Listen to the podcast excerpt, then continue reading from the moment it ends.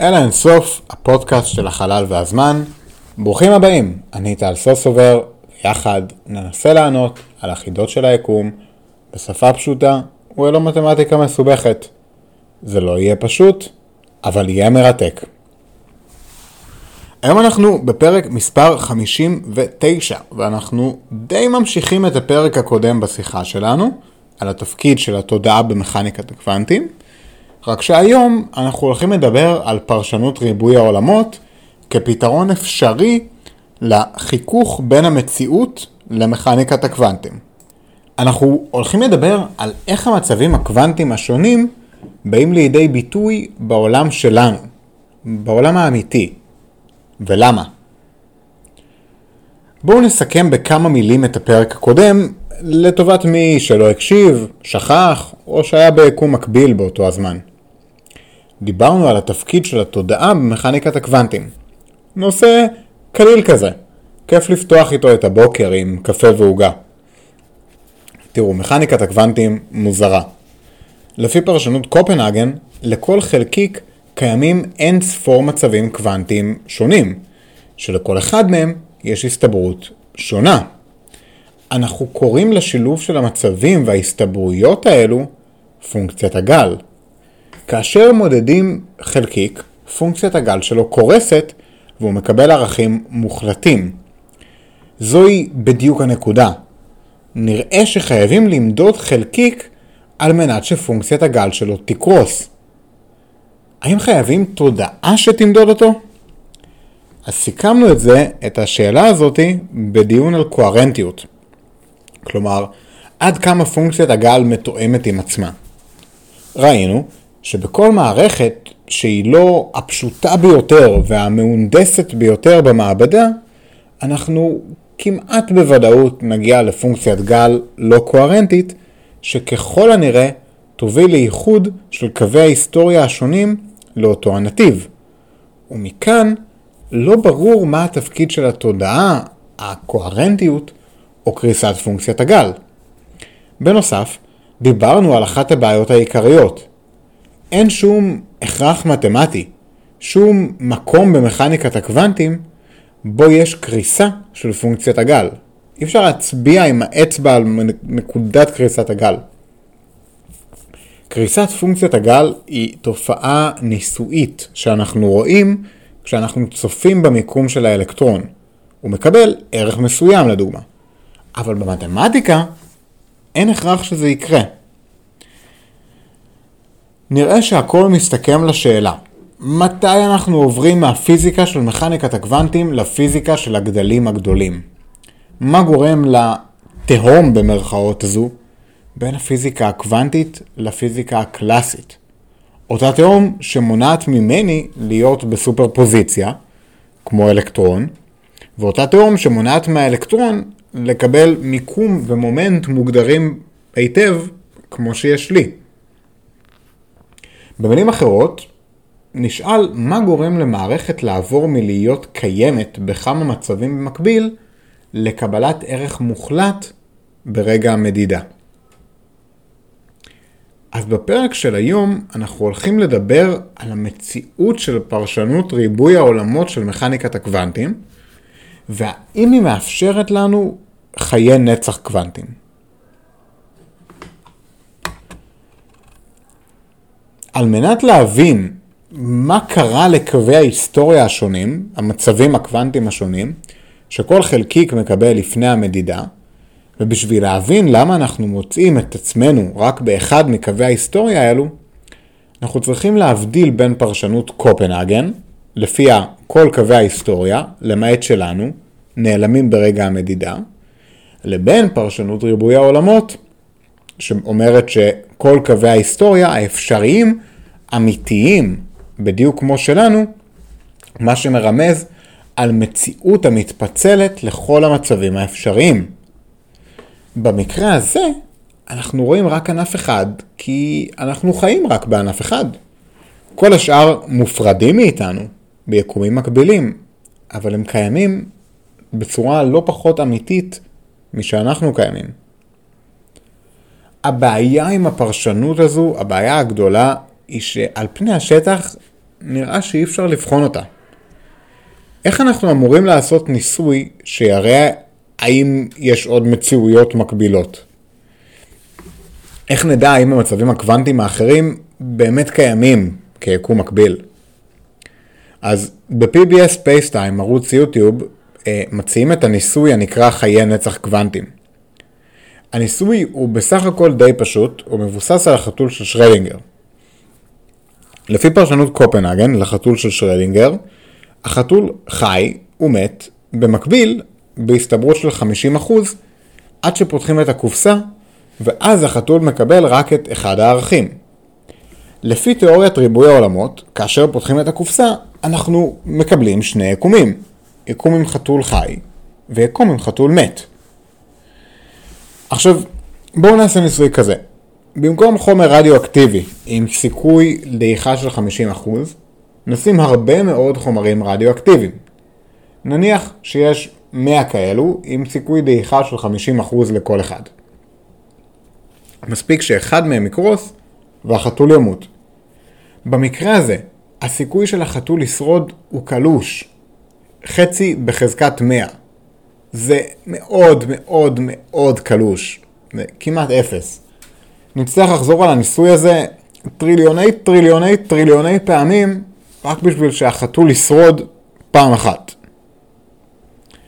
לפי פרשנות ריבוי העולמות, כל האפשרויות קיימות, אפילו אחרי ניסוי אחד כזה. החתול שורד באחת מתוך מיליון, טריליוני המציאויות האפשריות. עכשיו, אנחנו עושים את הניסוי, והחתול יוצא החוצה. אנחנו בהלם. הוא חי. יש לנו ראיה לכך שתיאוריית ריבוי העולמות נכונה, כי הסיכוי לשרוד הוא אפס פרקטיקלי. פרשנות ריבוי העולמות מבטיחה הישרדות של ענף אחד לפחות של פונקציית הגל. כמובן שיש לנו המון חתולים מתים על כל חתול חי, אבל עקרונית, אם תיאוריית ריבוי העולמות נכונה, נקבל את התוצאה הזו, תוצאת חיי הנצח הקוונטיים. יש קו אחד שבו אנחנו חיים לנצח. קו זמן אחד בו אנחנו נמנעים מכל אירוע קוונטי שמוביל למוות שלנו. במהות, ההבדל בין תיאוריית ריבוי העולמות לקופנהגן היא שבריבוי העולמות יש גרסה מסוימת של החתול ששורדת והרבה גרסאות שלא שורדות. לפי חיי הנצח הקוונטיים, אם נשאר ביקום של החתול ששורד, אז גם הוא יוכל להמשיך ולשרוד כל דבר. קטנים הסיכויים ככל שיהיו. לנצח. לפי תיאוריית קופנהגן, ככל שלקו זמן יש הסתברות קטנה יותר לקרות, כך, טוב, הסיכוי קטן יותר שהוא יקרה. יש רק קו זמן אחד שהוא צירוף של ההסתברויות בעבור כל מאורע קוונטי. קופנהגן אומרת לנו שרק מציאות אחת שורדת את המדידה. ריבוי העולמות אומרת לנו שכל האפשרויות שורדות, ואנחנו רק מוצאים את עצמנו באחת המציאויות ששרדו. כמובן שלא כל האפשרויות שוות בהסתברות שלהן, גם בריבוי העולמות. יש תוצאות שיש הרבה קווי היסטוריה שמובילים אליהן, ולכן זה לא משנה באיזה יקום במרכאות אנחנו חיים, אנחנו נגיע גם לקווי ההיסטוריה האלו. דוגמה מקרוסקופית לזה היא פיזור החלקיקים באוויר. יש המון אפשרויות לפזר את החלקיקים באוויר בחדר בו אתם יושבים עכשיו, אבל כמעט כולן יובילו למדידה של טמפרטורה אחידה, ללא תלות בשאלה האם חלקיק חמצן מסוים נמצא בפינה הימנית או השמאלית של החדר. העניין של חיי נצח קוונטיים אומר שאנחנו חיים חיים שהם בכל צומת קוונטי, אנחנו מוצאים את הצומת שלא הורג אותנו, קטנים סיכוייו ככל יהיו. אם תיאוריית ריבוי העולמות נכונה, הרי שכל המצבים מתקיימים, כולל מצב מסוים בו יש לכם חיי נצח קוונטיים. כולל מצב מסוים בו בחדר אין אוויר. אפשר לחשוב על זה ככה. כל תהליך של מוות הוא צירוף של תהליכים קוונטיים, כמו שאמרנו קודם. התהליכים האלה מתפתחים לתהליכים כימיים, ובסוף לתהליכים ביולוגיים שהורגים אותנו. אבל אם כל התהליך הקוונטי, כל תהליך קוונטי יוצר אין סוף יקומים מקבילים, הרי שקיימים בהכרח יקומים בהם הצעדים לכיוון המוות פשוט לא קרו. על כן, בהכרח קיימת מציאות בה אתם, אתם ספציפית, ממש אתם, חיים לנצח. יו אברסט, אחד היוזמים של תיאוריית ריבוי העולמות, האמין בתיאוריה הזו. הוא כל כך האמין בה, שהוא שתה המון, עישן, לא עשה ספורט, ומת מהתקף לב בגיל 51. לפחות ביקום שלנו. יכול להיות שהוא חי לנצח ביקום אחר. כמובן שככל שאנחנו מעשנים לדוגמה יותר, כך אנחנו מגדילים את קווי הזמן בהם אנחנו מתים מוקדם. אנחנו מגדילים את הסיכוי שנהיה ביקום בו אנחנו מתים מוקדם. האמת היא שלפי תיאוריית ריבוי העולמות, כל המצבים האלו מתקיימים. אז תעשו טובה לעצמכם ואל תעשנו. הנקודה החשובה היא שברמה הקוונטית קיימת פונקציית גל מסוימת שמתארת הרבה מצבים אפשריים, מקבילים, שחיים ביחד. אנחנו לא רואים את פונקציית הגל הזו בגדלים המקרוסקופיים, אבל היא שם ברמה התת-אטומית. קראנו לזה סופרפוזיציה. אנחנו מגדירים בעזרתה תכונה של חלקיק באמצעות תכונות אחרות. לדוגמה, מיקום של חלקיק יכול לבוא לידי ביטוי כסופרפוזיציה של מצבי מומנטום, ולהפך. אני רוצה שניקח רגע זום אאוט, ונשאל את עצמנו, מתוך כל המצבים השונים של הסופרפוזיציה, לדוגמה חתול מת וחתול חי, למה אנחנו רואים רק אחד מהם? ואם תיאוריית ריבוי העולמות נכונה, למה אנחנו חיים ביקום בו אנחנו רואים רק אחד מהם ולא את השני? האם הכל מקרי, או שיש עוד גורמים שצריך לקחת בחשבון? בואו נתחיל מלדבר על סופרפוזיציה. לחלקיקים מסוימים יש תכונה הנקראת ספין. ספין הוא כיוון ציר הסיבוב והוא מתיישר לפי השדה המגנטי. אנחנו יכולים להשפיע על הכיוון שלו. אם נמדוד אותו עם שדה מגנטי אנכי, הוא יכול לקבל את הערך למטה או למעלה. אם נמדוד אותו אופקית, הוא יכול לקבל ימין או שמאל. בעולם הקוונטי המוזר, אם נמדוד אנכית ונראה למטה, ולאחר מכן נמדוד אופקית, לא נראה אפס ספין, כמו שהיינו מצפים מהעולם שלנו, אלא נראה התאמה מקרית לספין ימין או שמאל. על כן, אנחנו אומרים שהספין תלוי באיך שמודדים אותו.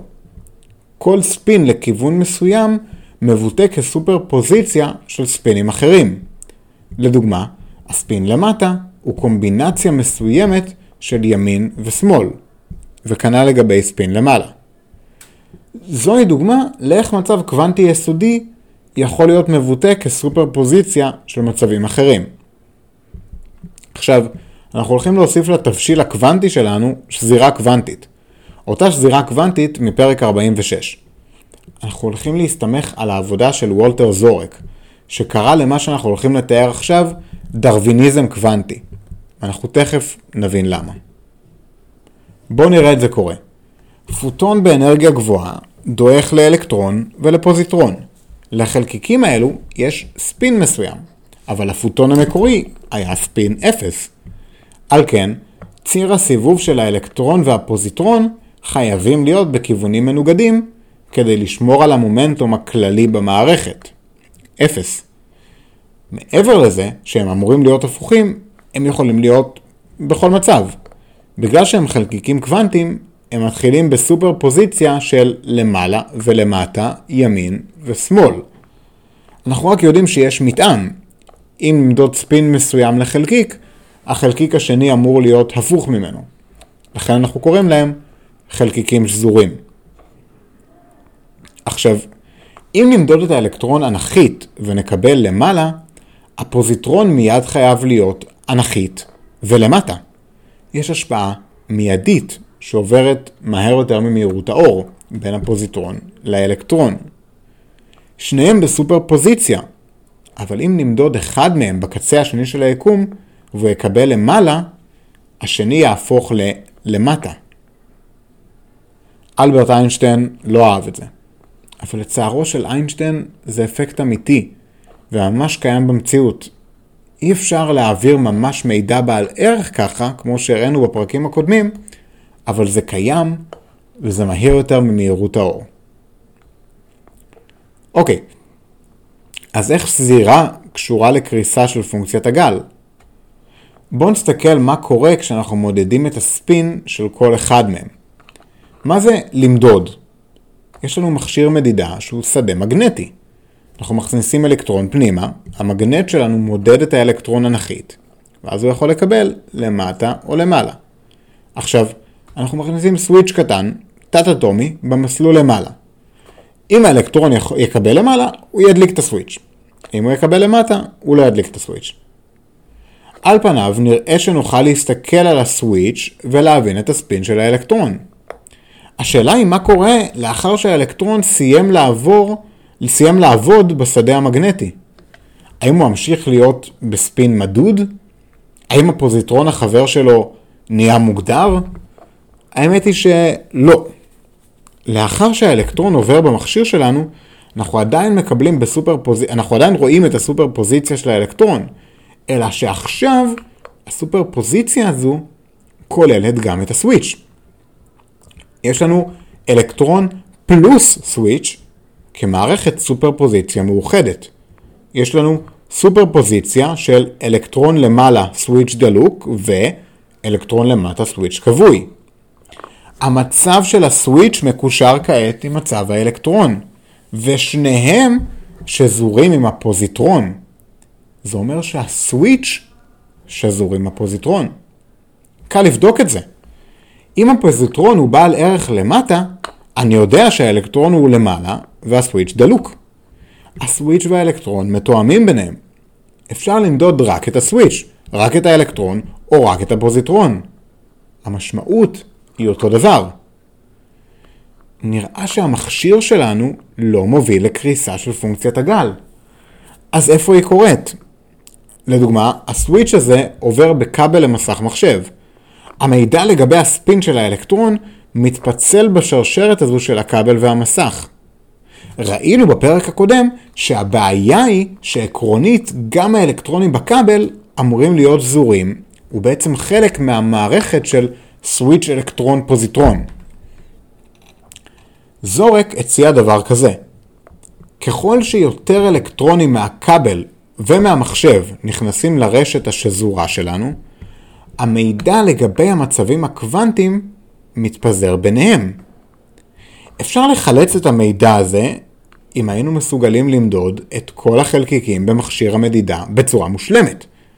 אבל הבלגן השזור הזה מגיע מתישהו לסביבה עצמה. כלומר, לא נשאר רק בתוך המערכת, אלא מתחיל להשפיע על האוויר, על החלקיקים האחרים ועוד. הוא משפיע על הסביבה. המידע על רוב המצבים הקוונטיים כבר לא יכול להיות משוחזר, כי הכל מתערבב עם הכל. זורק הציע pointer states, מצבים שהם העתקים וקיימים, עד שהמדידה שלנו לדוגמה מגיעה לקורלציה עם המצב הקוונטי של המערכת. השאלה היא, מתי אנחנו מקבלים pointer state? בשורה התחתונה, המצבים שורדים, ואותם אנחנו רואים, אנחנו רואים אותם, הם אלו שיכולים לשרוד, מגיע עם הסביבה שלו. המצבים האחרים קורסים ואנחנו לא רואים אותם. הסביבה בוחרת במרכאות אילו מצבים להפגין. זורק משתמש במיתוי אין selection, environmentally induced אה, super selection, והוא טבע את הביטוי דרוויניזם קוונטי, כי יש יותר מצבים מתאימים לסביבה ששורדים סטטיסטית ומולידים במרכאות עוד מצבים ששורדים. כמובן שאין לנו כאן ממש אבולוציות וברירה טבעית כמו באבולוציה, אבל תודו שזה שם מפוצץ. אוקיי, אז איך זה מסביר מתי פונקציית הגל קורסת? המידע על השזירה הקוונטית עובר לרשת הזו של כל הסביבה. החלקיקים עצמם נשארים מוזרים מבחינה קוונטית, אבל הרשת עצמה היא בסוג של קונצנזוס לגבי המיקום של החלקיקים. המבנה המקרוסקופי, כולל חת... חתולים ואנחנו וכל מה שאנחנו רואים סביבנו, מוגדר באופן ברור מאוד באמצעות המיקומים היחסיים של החלקיקים. ולכן המצב של הדברים מקרוסקופית ייראה ברור ומוגדר לחלוטין עבורנו. זה לא פותר ב-100% את השאלה לגבי התהום, כי הדבר היחיד שזה מראה לנו זה למה מצבים קוונטיים הם מדידים בסקלות גדולות, אבל ברמות הקטנות יש לנו סופרפוזיציות מוזרות. זה לא מסביר למה אנחנו רואים מצב אחד של הרשת המקרוסקופית ולא אחרת. אלא אם כן, שוב, יש רשת של אפשרויות, או רשת של עולמות מקבילים, שחיים במקביל.